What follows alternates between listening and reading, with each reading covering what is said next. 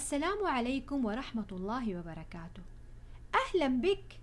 أحسنت. لقد وصلت إلى المكان الصحيح.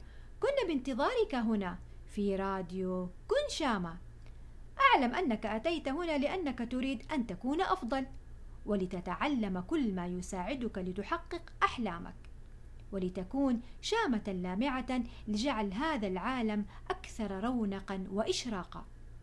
هذا التدوين الصوتي الأول. هل أنت مستعد؟ فقد حان وقت اللمعان. بعد أن خرجنا من المدرسة ذهبنا إلى السوق ثم اشترينا بعض الأغراض ثم عدنا إلى البيت ثم تناولنا وثم بعض القصص ثم بعد ذلك شعرت بالنعاس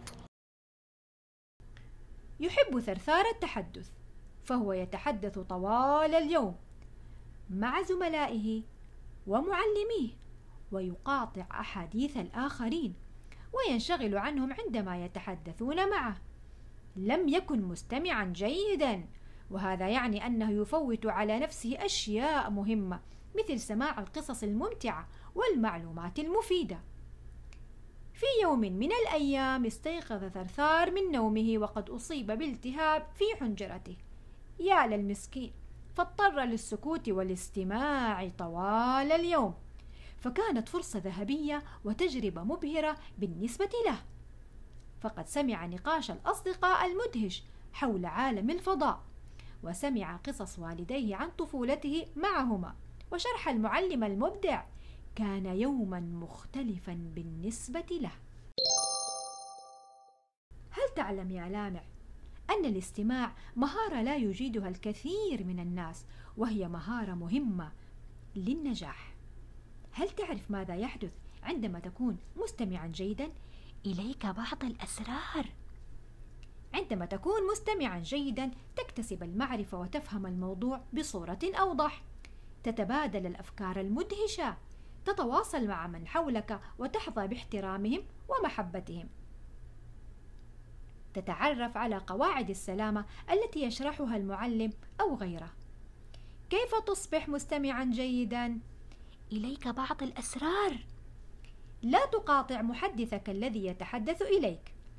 انظر لعيني محدثك ولا تنشغل عنه بالهاتف أو بالنظر حولك. استمع لكل شيء من حولك سواء كنت في الغرفة في السيارة أو عندما تتمشى. كأن تستمع للقرآن الكريم لتفهم الآيات. استمع للقصص للمعلومات ثم احكي واخبر وناقش من حولك ما سمعته حتى تتأكد أنك كنت مستمعا جيدا. أخبرني يا لامع ما الأقوى الاستماع أم الإنصات؟ إذا كان اختيارك هو الإنصات ارفع الآن يدك عاليا هيا فقد اتفقنا إذن لأن الإنصات هو الاستماع بتركيز شديد ما لعبة اليوم؟ لتتعلم شيئا ما عليك بالمثابرة والثبات لتتعلم شيئا ما عليك بالمثابرة والثبات هل فهمت ما قلته قبل قليل؟ اكتب العبارة التي سمعتها ثم أرسلها عبر الخاص في إنستغرام. كن شامة.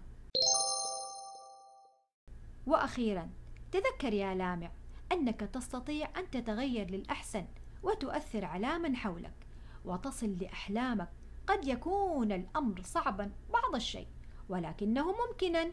إن بذلت مجهودا كافيا إن شاء الله. استمع. طبق. أخبر من حولك ما سمعته هنا. كنتم تستمعون لراديو كن شامة إلى اللقاء.